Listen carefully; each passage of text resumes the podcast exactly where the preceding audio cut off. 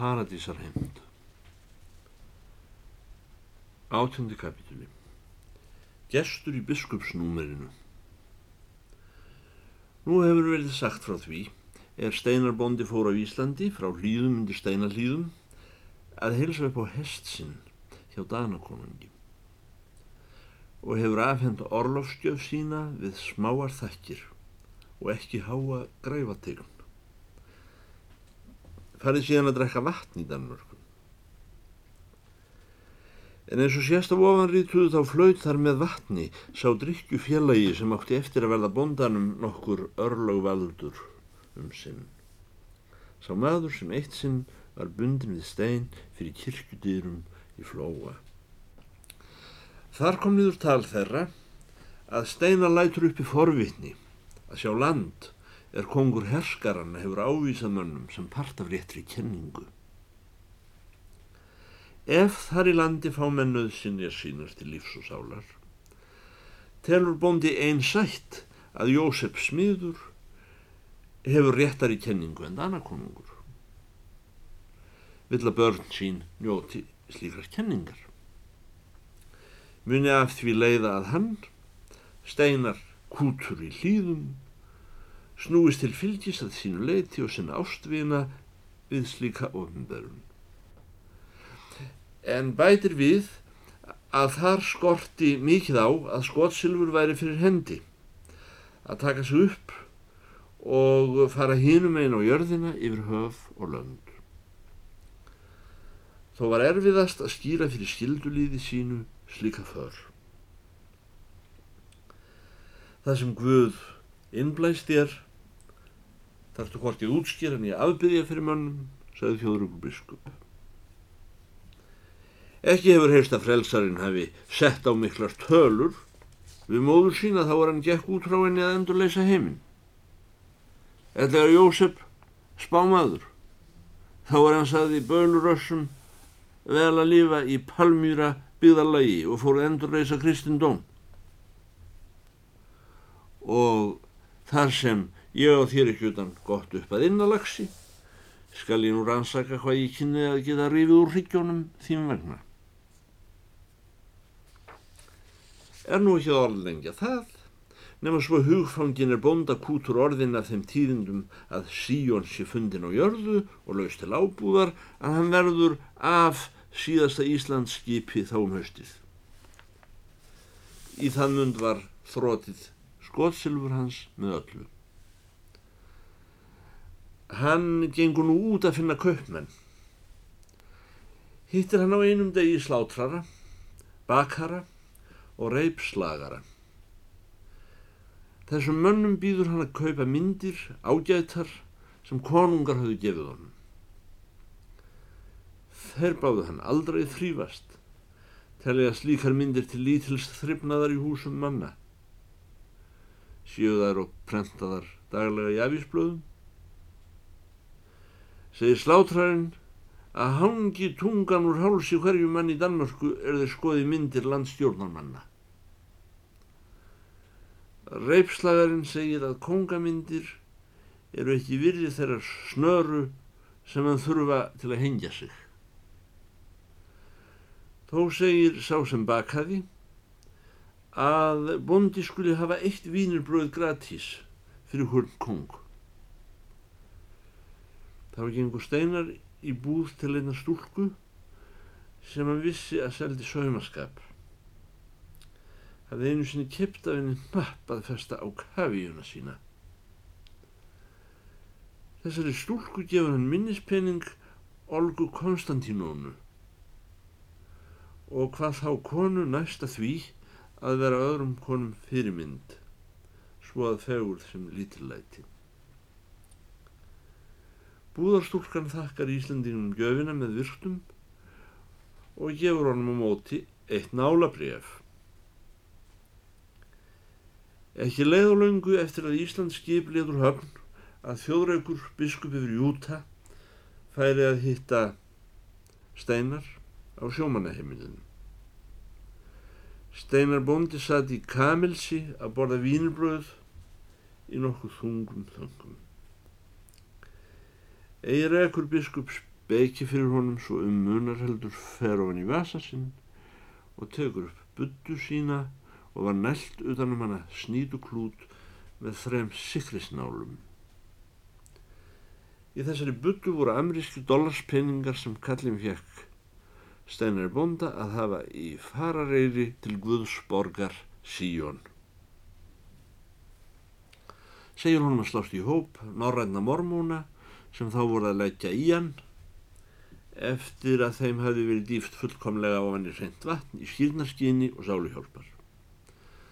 Þar voru á nokkru fleiri þessum áhungandi sem látið höfðu líklega um að turnast spyr þjóðraukur nú steinar bonda hvort hann kæri sig um að faðma Guðspjallið en svo kalla mormónar það er menn snúast til réttrar gullbókar af himnum sem Jósef Smiður fjekk á kúmóruhóli. Steinarbondi svarar og segir að hann er fátakur maður og hefur ekki úr að spila utan skynnsemis glóru sinni. Og vil fyrir öngan mun fara kringum glóru þessa þó um sé. Segir að skoðun er með samþykki blóra við hana muni tæpast verða þeim bús í lag. Og þá síst er mest á rýður og um, land sem spámem postulor og kirkjufeður kenni eftir gullbók geti engin lofað með réttu fyrir hann hafi það lifað. Því hjarta mannsins er ekki viturt þó sumur menn hafi að vísu all gott hjarta. Og staðleysum sem menn samfærast um með heilanum eru lít takmark sett. En uh, munur á mægi séu óljúfróðust líffæra uh, þó ljótt sé afspurnar. Þjóðreikur segir þelkaldur að hann vil öngan mann vela til að trúa kenningum sem borna voru fram á Jósefi og bríkámi. Heldur skal hverjum einum heimilt að gera skrokkin og sjálfum sér að prófstein í sannleikans, engum og sér í lagi þeim sem halda að sálinn sé edjót. Ef steinari bonda að lokin landkönnun Jútaríki þykir drottin hafa logið að mormónum, þá skuli hann aftur snúa í þann stað sem hann kom úr verða þeir um þetta samkaupa og skal steinar fara óniður dýður vestur. Fjórikur segir að fyrst skal hópur þessi reysa til Englands og býða þar skips. Er takið þá vestur um haf fyrir jól. Segir að þeir skulu ekki venda sér mikils frama í Englandi sem okk sannaðist því hengt var númer um háls þeim eins og kvikfið sem er selt til slátrunar. Og þeir látnir dúsa í útflytjanda skála við lítil mækindi í þrjár vikur en gefin súpa að drekka og þurft bröð að rýfa. En þá er þeir lendi í mormónagarði í Nýju Jórvík fyrir vestan haf, segir þjóðreikur biskup, muni enginn þurfa að söl að tyggja nýja vatn að drekka mun þar framreitt steik og mjölk dögum oftar og kálmeti í hrönnum. Þar er ekki gröðarnir, segir hann, sem reyndist orða á sannu og hefði margur kost að fara þaðan aldrei síðan. Síðan muni þeir verða setti í damptrossu, segir biskup. Hún rennur lengi vel um slettar og búsaldar eða sveitir, segir hann. Síðan yfir eigðimerkur víðlendar. Þar sem á minni tíð voru ekki engang vegir og urðum við að reykja okkur sjónhendingum klungur og hölkn. Nú voru ekki stöpullan og liðinni sér þjóðraugur nema vísundir sem sísast þar í laungum lestum yfir teinana og stofa mannaferðir. Það eru bólar af því tægi sem á Íslandi myndu vera að kalla þær þorgersbólar. Í eðimörkinni finnst kjarr úr harðasæjum sem þarlandsmenn kalla salvíubrúsk og þarf ekki vatn enda banvænt hverju kvikindi. Fram úr þessu kjarri læðast stundum rauður menn. Þessir menn eru að atgerfi og hugarfari ekki og þekkir hornunum á Íslandi og skjóta af boga eins og gunnar á hlýðaranda og hafa mann fyrir sér í hverju skoti. Hvað ekki ótýtt að ferðamenn eruðu að stíga út úr damptrossunni og fara að berjast við þá.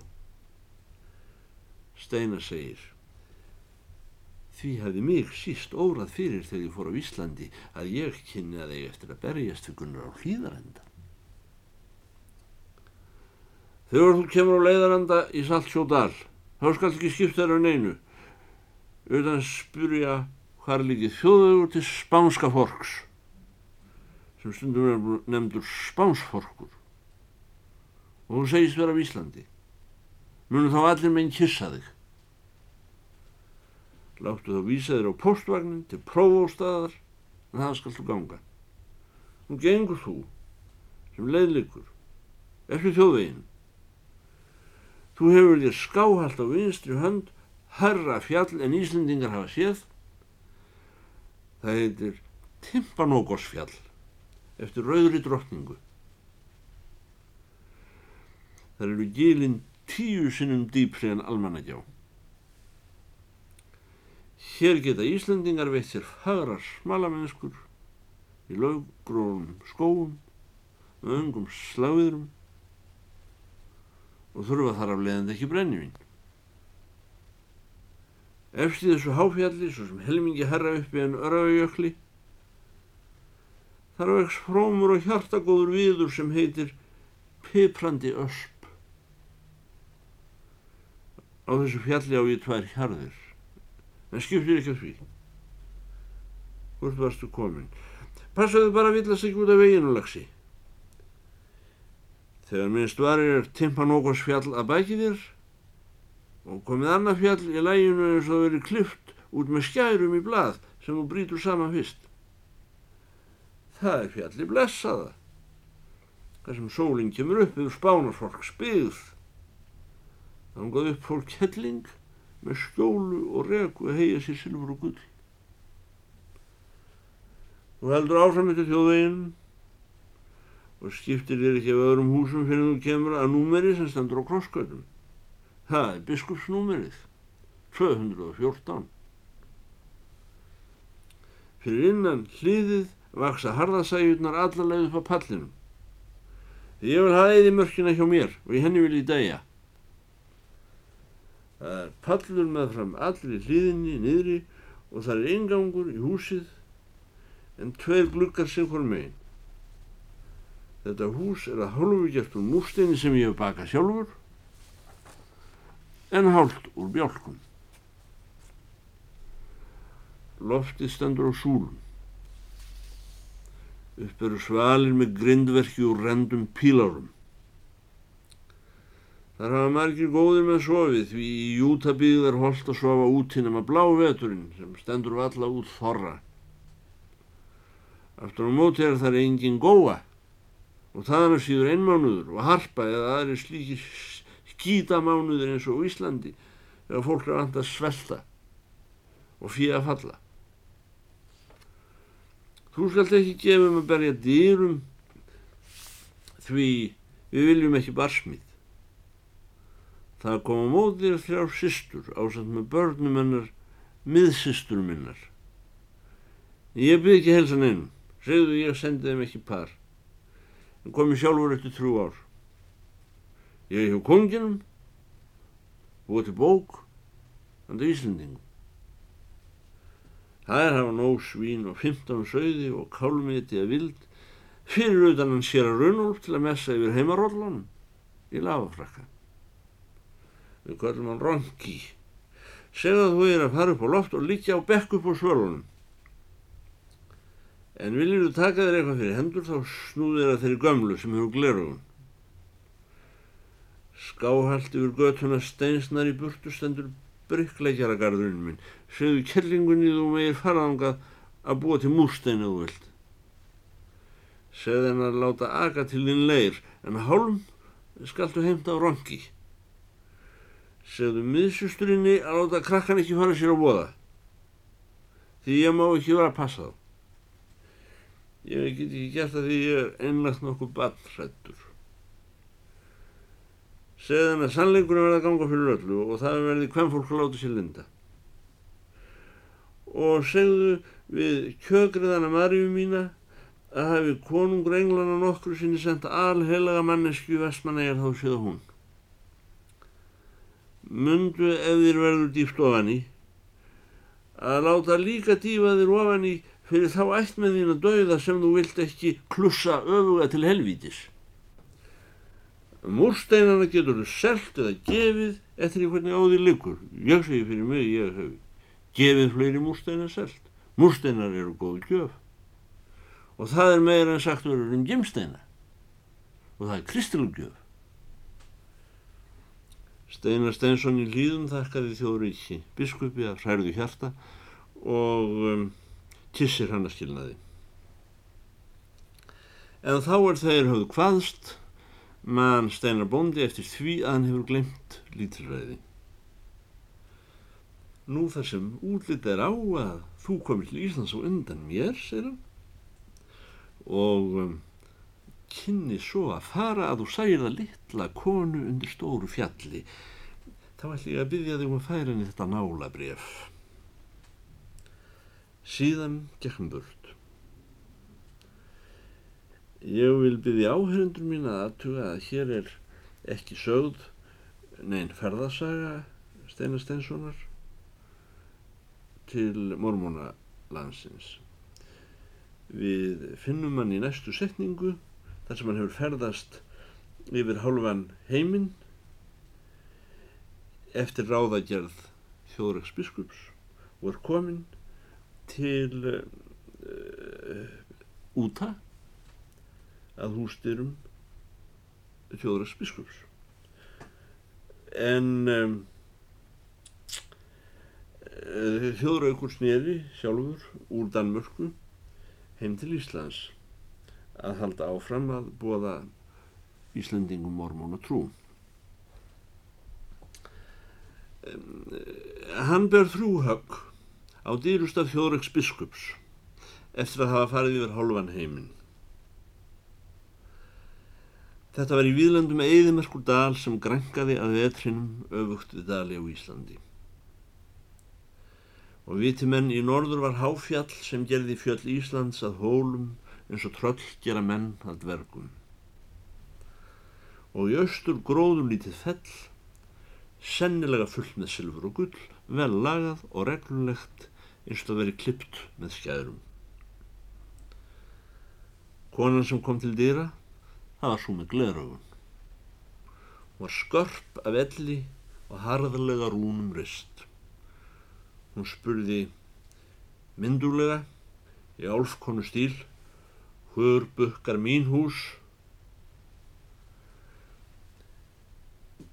Viðkunnanlegra að personur þrenningarinn fá hversitt högg þegar barðir hjá biskupi og kom þér sælar og blessaðar kona góð, segir gesturinn. Heilagur andi verður ekki lofaður með barsmíð, sagði konan. Þá leifum við lúterstrúarmennum að berja tvö höggin afni föður og sonar. Eftir þessa áminningu breytt hún um tón, rétti gestinum höndin og spurði á hvern hátt mætti greiða fyrir honum.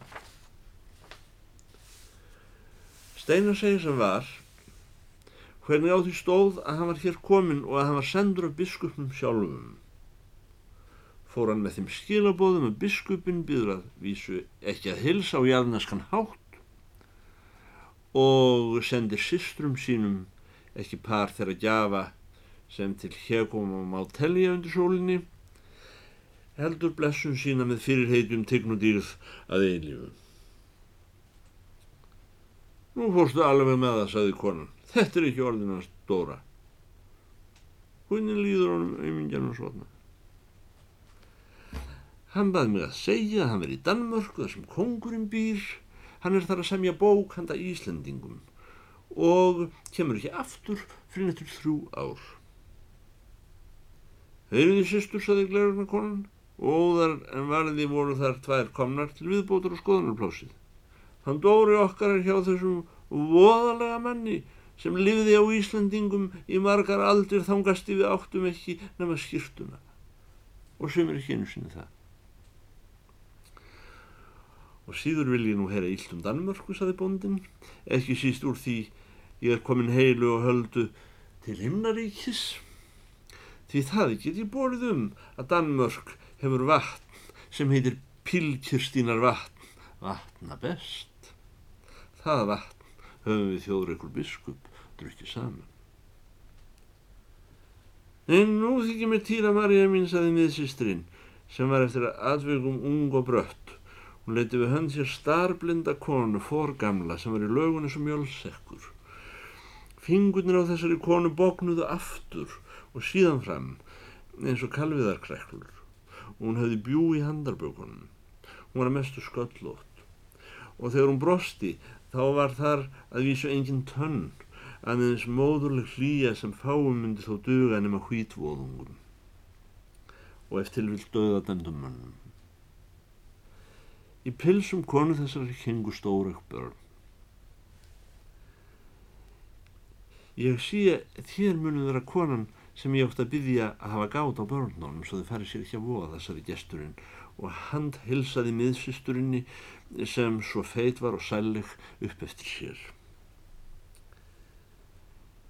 Ég byð og segi Marja mín, hann þérar mig, saði miðsýstrin og skjalt á laurið.